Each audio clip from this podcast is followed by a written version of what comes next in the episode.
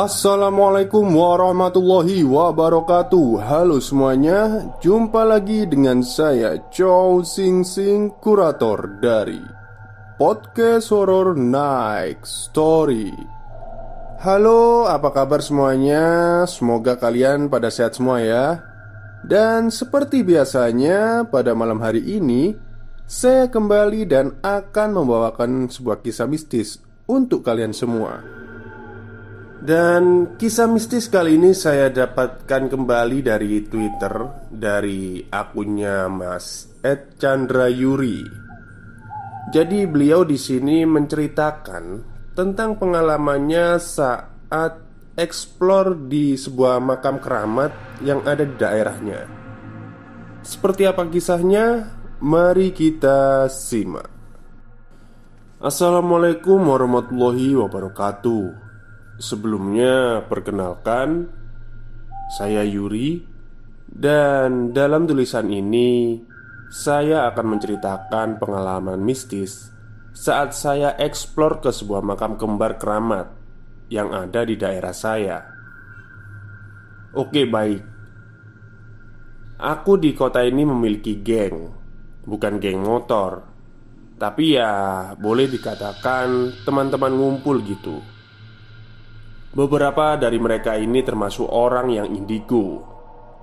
Dari dasar itu, kita sering nih waktu ngopi-ngopi bareng tiba-tiba senyap dan ngasih kode kalau ada yang mengawasi di sebelah-sebelah kita. Dari situ terbesit di pikiran kami untuk melakukan wisata mistis. Lebih tepatnya mengunjungi tempat-tempat keramat hanya untuk memuaskan hasrat kami agar bisa bertemu dengan makhluk tak kasat mata. Agak aneh sih pikiran kami ini. Saat itu kita hanya ingin pembuktian saja. Gak ada niatan seperti yang saat ini dilakukan orang-orang Seperti beramai-ramai ngevlog atau posting-posting di sosmed Atau bahkan live di Bigo untuk kegiatan-kegiatan mistis mereka. Kami hanya mendokumentasi seadanya dan untuk pengalaman kami saja. Dan kami sepakat untuk memulai aktivitas wisata misteri ini di setiap malam Jumat Legi. Seperti biasa, aku pamit ke mamaku untuk sekedar ngopi dan mungkin nanti menginap di rumah temanku, Mas Mahfud. Aku membawa pocket kamera dan HP Nokia E63 yang telah dicas penuh. Malam itu, sesampainya di rumah Mas Mahfud, kami masih ngopi. Rencananya, kami akan menuju makam kembar di dekat rumah Mas Abu. Aku, Dian, Mas Ferry, dan Mas Mahfud masih menunggu kabar dari Mas Abu. Katanya dia masih ada tamu di rumahnya. Asal tahu aja Mas Abu ini dikenal bisa mengobati orang-orang yang terkena gangguan mistis Seperti guna-guna, dikirimi santet Atau dikirimi makhluk halus ke area tempat tinggalnya Dan beberapa hal gaib lainnya. Tepat jam 11 malam kami sudah diminta untuk ke rumah Mas Abu. Jarak rumah Mas Abu ini ada dua setengah kilo dari rumah Mas Mahfud. Kita melewati jalan raya, masuk ke jalan desa yang membelah sawah. Di samping jalan desa itu terdapat sungai yang besar, yang di pinggirnya banyak rimbunan bambu liar. Di lingkungan kami ada anggapan Kalau malam Jumat Legi itu lebih horor Lebih wingit daripada malam Jumat Weton lainnya Yang sudah kami ketahui sejak kami masih kecil. Wingit itu menakutkan gitu ya. Dan menjelang tengah malam seperti itu Kami yang naik dua motor saling berboncengan melewati jalan desa yang bersebelahan dengan rumpun bambu tadi. Suara gesekan bambu-bambu yang tertiup angin membuat kita bergidik ngeri. Dan saat itu, penerangan jalan desa tidak ada sama sekali, hanya dari motor kami.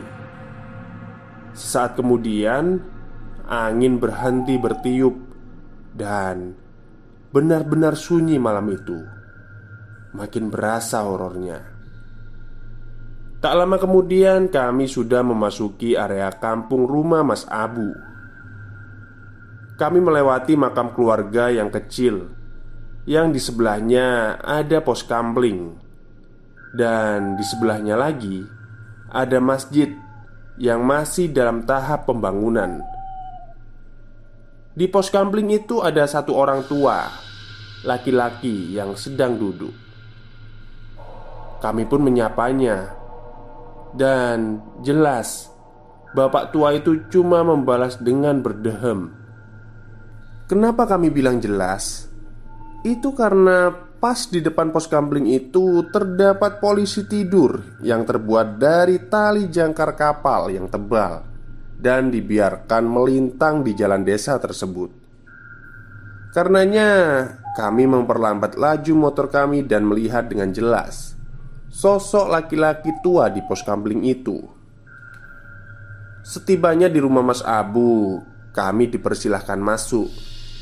Namun, Mas Ferry masih diam tertegun di dekat motor. Mas Abu memanggil dia, dan Mas Ferry dengan agak berjingkat segera memasuki ruang tamu Mas Abu. Kenapa Fer? Kok tadi nggak langsung masuk? Tanya Mas Abu Eh, enggak Eh, boleh tahu nggak Kalian tadi nyapa siapa sih di pos kambling? Kok aku nggak lihat ada siapa-siapa? Jawabnya sekalian menanyai teman-teman Aduh, jangan memulai di Mas Fer. Kataku memotong. Duh, kalian udah disambut sama Mbah Brojo? Tanya Mas Abu selanjutnya. Siapa itu mas? Kata Dian menyela. Mbah Brojo itu sesepuh kami. Dia yang babat alas kampung ini. Makamnya di ujung kampung yang tadi kalian lewatin Jawab Mas Abu. Eh, beneran tak mas? Jawabku agak ngeri. Terbayang Waktu si embah di pos kambling tadi Dia membalas permisiku dengan berdehem. Iya Yur. Beliau itu biasanya memperlihatkan diri di makam itu Atau di pos kampling Kalau niat kalian masuk desa ini baik Biasanya kelihatannya ya kayak mbak-mbak gitu Kalau niat kalian jelek atau kalian dalam kondisi kotor atau mengumpat, biasanya Mbak Brojo itu menampakkan diri dalam wujud yang serem, entah pocong atau apalah. Jelas, Mas Abu. Loh, kan? Aku udah ngira tadi. Kamu sih pakai nyapa segala, kata Dian temanku. Ya kan aku Amit Permisi numpang lewat, Yan Jawabku Terus Mas Ferry lihat apa aja tadi? Tanya Mas Abu Duh, yang aku lihat itu bukan mbah-mbah mas Tapi pocong Ngeri aku Tapi kayaknya tadi ngikuti di belakang motorku. Aku kelihatan dari spion. Jawab Mas Ferry. Walah, ya bener. Tadi waktu sampean masuk desa Bicara kotor ya? Tanya Mas Abu. Iya mas. Soalnya gelap. Dan di sebelah itu banyak rumpun bambu. Aku takutnya kena begal Jadi ya nggak kepikiran kalau aku ngomong kasar kayak gitu. Jelas Mas Ferry. Ah ya udah nggak apa-apa. Anggap aja itu tadi sambutan buat kalian yang masuk sini. Hahaha. Jawab Mas Abu. Kami pun tersenyum kecut. Kecuali Mas Mahfud yang pandangannya masih mengarah ke jendela ruang tamu ini. Nah, gimana? Jadi kan ke makam kembar di jalan raya depan? Tanya Mas Abu. Duh, Mas, belum apa-apa, kita udah disambut kayak tadi loh, Mas. Jawabku ragu-ragu. Ya udah, kalau kalian ragu, mending gak usah aja. Kata Mas Abu kemudian Duh Yur Kamu ini Belum apa-apa Udah ketakutan. Sia-sia dong kita sampai di sini Kata Dian. Iya iya wes. Aku manut kalian aja. Jawabku pendek. Oke. Nek jadi kita satukan tujuan kita. Masuk ke makam keramat itu. Nanti mau ngapain Sekarang aku tanya satu-satu. Tujuan kalian itu apa? Tanya Mas Abu. Aku penasaran mas. Katanya makam itu horor banget. Makan tumbal segala. Terus sering ada kecelakaan di jalan raya depan makam kembar itu. Jawabku Sama. Aku juga penasaran mas. Sambung Dian Aku ya penasaran juga sih Sehoror apa? Sahut Mas Ferry. Aku cuma ikutan aja. Jawab Mas Mahfud. Nah Alasan dan tujuan ini Yang kayak gini nih yang salah. Jangan sekali-kali kita masuk tempat keramat itu hanya karena penasaran. Yang ada, kita malah dicelakai. Kita akan diperlihatkan bentuk mereka yang aneh-aneh. Energi kita bisa terserap. Yang ada bakalan pingsan kalian, dan aku yang repot. Jelas, Mas Abu. Tanamkan niat dalam hati kalian dari sekarang. Tujuan kita ke sana hanya untuk membuktikan kebesaran dan kuasa Allah yang telah menciptakan segala bentuk makhluk hidup di dunia ini, baik yang bisa dilihat maupun yang nggak bisa dilihat langsung. Lanjut, Mas Abu. Oh, gitu ya, Mas. Jawab kami serempak Ya Intinya kalian hanya berniat untuk melihat tanda kebesaran Allah. Jelasnya lagi Kalau sudah fix Oke kita baca doa dulu Dan insya Allah Aku bikin kalian lebih peka terhadap kehadiran mereka. Lanjut Mas Abu. Setelahnya Mas Abu membaca doa. Kami hanya melirik satu sama lain Dan kemudian Mas Abu menyentuh kepala kami. Dingin. Itu yang aku rasakan saat itu. Kami pun berangkat menuju makam keramat itu. Dan kami tidak melewati jalan desa yang kita lewati waktu menuju rumahnya. Kami pun berlima berjalan bersama beriringan di tengah kegelapan malam. Kami menyempatkan dulu untuk berwudu di surau dekat rumah Mas Abu. Kami menyusuri kampung dan sampai pada akhirnya melewati makam keluarga. Makam keluarga itu berada di tepian sawah. Setelah dari makam keluarga itu, kita melewati sawah dan pekarangan warga. Di pekarangan itu, jantungku deg-degan banget. Berasa ada yang ngikutin dan ngawasin kami dari segala penjuru. Aku meminta izin kepada Mas Abu untuk memotret pekarangan itu, dan Mas Abu memperbolehkan asal tidak melihat hasil jepretanku waktu itu. Cuma boleh memotret saja. Aku menurut sambil terus berjalan, dan inilah hasil jepretanku. Aku nggak tahu itu apa, atau itu hanya hayalan ilusiku semata. Yang jelas, aku melihat ada sesuatu kayak makhluk bertaring. Oke, kita lihat fotonya ya. Uh, ini sudah saya perbesar kontrasnya, brightnessnya ya. Cuman saya belum bisa melihat apa-apa.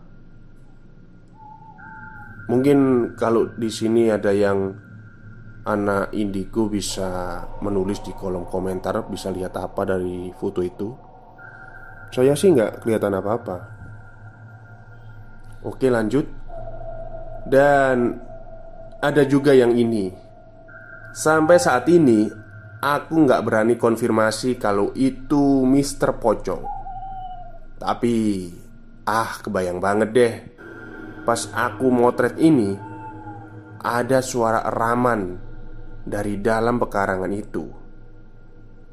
Jadi, coba naikin brightness gadget kalian. Hmm, ini kayaknya oke.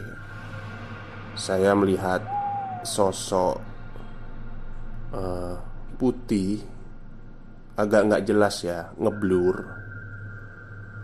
Uh, ini kain kafannya kotor kayaknya. Iya ini kain kafan ini. Gak pernah di laundry. Oke lanjut lagi. Dan kami tiba di makam kembar keramat yang dimaksud Kami tidak lewat gapura depan Akan tetapi lewat dari arah belakang Dan mohon maaf Nyampe di situ kami sudah merasakan aura-aura mistis. Kami merasa bukan cuma kami berlima yang ada di sana. Akhirnya, Mas Abu mengajak kami untuk berdiskusi. Beliau mengatakan ingin melanjutkan perjalanan ini atau balik ke rumah saja. Aku udah gugup, dan kalian tahu kita itu berdiskusi di sebelah tempat naruh keranda mayat. Oke, ini keranda mayatnya ya. Dari bentuknya, maksudnya itu apa ya? Gaya-gaya arsitekturnya itu kelihatan banget gitu. Kuno gitu ya. Apa ya? Hmm, mendukung lah untuk tempat-tempat mistis dan ada beberapa lingkaran merah ya di situ. Kayaknya itu ops. Oke. Satu, dua, tiga, empat. Ada empat ops. Oke, kita lanjut. Ya, ops banyak banget yang ketangkep di kamera. Dan sekali lagi, aku cuma diperbolehin untuk nge-shoot-shoot aja. Dan nggak dibolehin lihat sama sekali sama Mas Abu. Akhirnya, kami berlima memutuskan untuk melanjutkan jelajahan ini. Namun, kami masih tetap duduk di rumput di sebelah rumah keranda mayat. Karena yang aku, Dian, dan Mas Mahfud rasa udah sangat lemas badan ini. Dan seketika Mas Ferry berteriak dan mengumpat. Ya bener, lagi-lagi dia mengumpat. Jancuk, pocong itu Sambil menunjuk ke arah pepohonan bagian belakang pemakaman yang kita lewatin tadi. Oke. Jadi di foto ini Ada sebuah penampakan lagi. Ya saya lihat ada putih-putih ya di sana ya. Mungkin saat itu kalau pakai kamera mode infrared atau mode apa ya Yang bisa lihat malam itu bisa kelihatan mungkin ya. Tapi karena ini mode normal jadi ya samar-samar. Oke kita lanjut lagi. Aku tertegun. Dian pun mulai ketakutan. Dia mulai sedikit menangis terisak.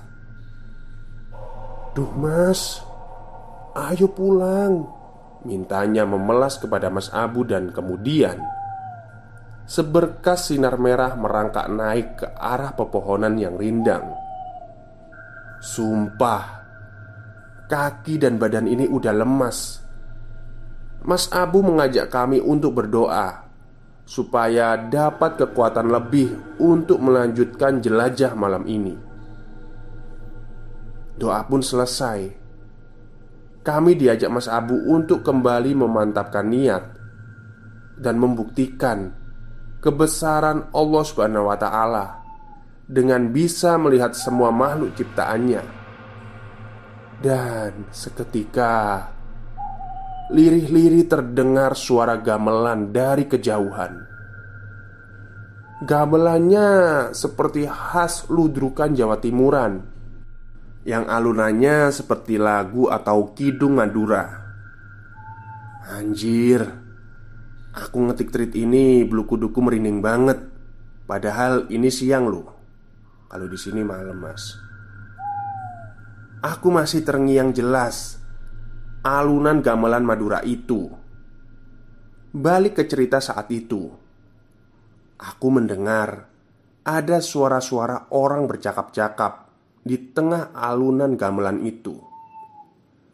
Semakin lama semakin dekat orang-orang itu dengan kami. Aku melirik ke arah Mas Abu. Dia tahu kalau aku mau memotret ke segala arah. Kemudian dia melarang. Setelahnya, suara gamelan itu makin terasa semakin mendekat. Tapi, suara orang bercakap-cakap itu mulai memudar. Sekali lagi, aku meminta izin untuk memotret. Suasana semakin genting, dan Mas Ferry mendengus-dengus seperti orang kesurupan. Sepertinya ada yang berusaha meminjam raga dia. Mas Mahfud dan Mas Abu mencoba menenangkan dia dan membacakan sholawat serta ayat kursi. Aku menunduk dan berpegangan dengan Dian. Mas Abu berpesan agar kami fokus berbicara lirih tanpa menghiraukan keadaan yang ada. Dan sambil beberapa kali aku memotret. Dan hasilnya cuma op saja yang ketangkep.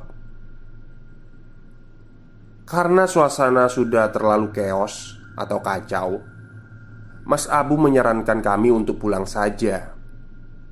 Kami pun menurutinya. Berjalan beriringan di tepi sawah dan sampai suatu ketika Jaketku itu seperti ada yang menarik dari belakang. Aku dibisiki sama Mas Mahfud. Dia berkata Jangan dihiraukan. Usapkan telapak tanganmu Dengan bagian luar telapak tangan yang lain Kemudian mengelus di kepala belakangmu. Aku menurutinya dan aku mengusap kepala belakangku. Dan karena aku masih kepo, aku menengok ke belakang dan terlihat seonggok daging berbalut kain putih kecoklatan yang sangat lusuh dengan wajah yang gosong. Aku tidak melewatkan momen itu. Langsung saja aku mengarahkan HP-ku untuk menjepretnya. Namun, tiba-tiba HP ku hang dan ngerestart sendiri. Aku tak mempedulikannya. Setengah berlari kita menuju kembali ke rumah Mas Abu. Sesampainya di rumah Mas Abu, kita membahas yang kita alami malam itu. Dan dilanjut melihat hasil foto kita di rumah itu. Dan memang hasilnya kebanyakan ops seperti yang aku upload tadi. Tapi jujur, ada foto pocong yang di HP E63 itu yang masih tersimpan. Namun sampai sekarang, sampai tweet ini aku publis, HP ku masih belum bisa dinyalain. Dan aku cari di memory cardnya udah nggak ada. Mungkin tersimpan di memori internal HP-nya. Ya, begitulah pengalamanku menjelajahi makam keramat yang ada di daerah Probolinggo. Bagi kalian yang tahu alamatnya atau tahu persisnya makam itu ya silen aja ya atau dikunci aja. Jadi nggak usah disebarkan. Kalian nggak mau kan kalau nanti malam alunan gamelan itu menghampiri rumah kalian. Oh iya, ada yang ketinggalan. Dini hari itu kami nggak berani pulang ke rumah masing-masing Karena Mereka masih berasa mengikuti kami. Bahkan sampai ke rumah Mas Mahfud Yang jaraknya 2 km dari makam itu. Sekian, terima kasih Oke, terima kasih kepada Mas Yuri yang sudah menceritakan pengalaman mistisnya melalui Twitter. Dan saya juga kembali berterima kasih karena sudah diizinkan untuk membacakan tweetnya. Jadi memang banyak ya ada bukti masalah foto itu. Ya agak terlihat tidak jelas. Cuman kalau saya berada di tempat itu pasti merasakan. Karena kita tidak berada di tempat itu dan hanya diperlihatkan dengan foto Ya gambarnya ya masih samar-samar. Beda lah kalau kita ada di tempatnya itu. Kalau gambar yang pocong tadi kayak pocong itu putih-putih itu jelas itu. Kayaknya ya bener pocong. Ah, Jadi saya itu ada rencana ya mau bikin explore kayak gitu konten tapi sendirian. Tapi setelah lihat tweet ini kok jadi ragu. Takutnya kamera saya kesurupan. Eh saya kesurupan gitu loh. Dan gak ada yang nolongin. Oke mungkin itu saja yang bisa saya ceritakan pada malam hari ini. Semoga anda semua terhibur Selamat malam dan selamat beristirahat.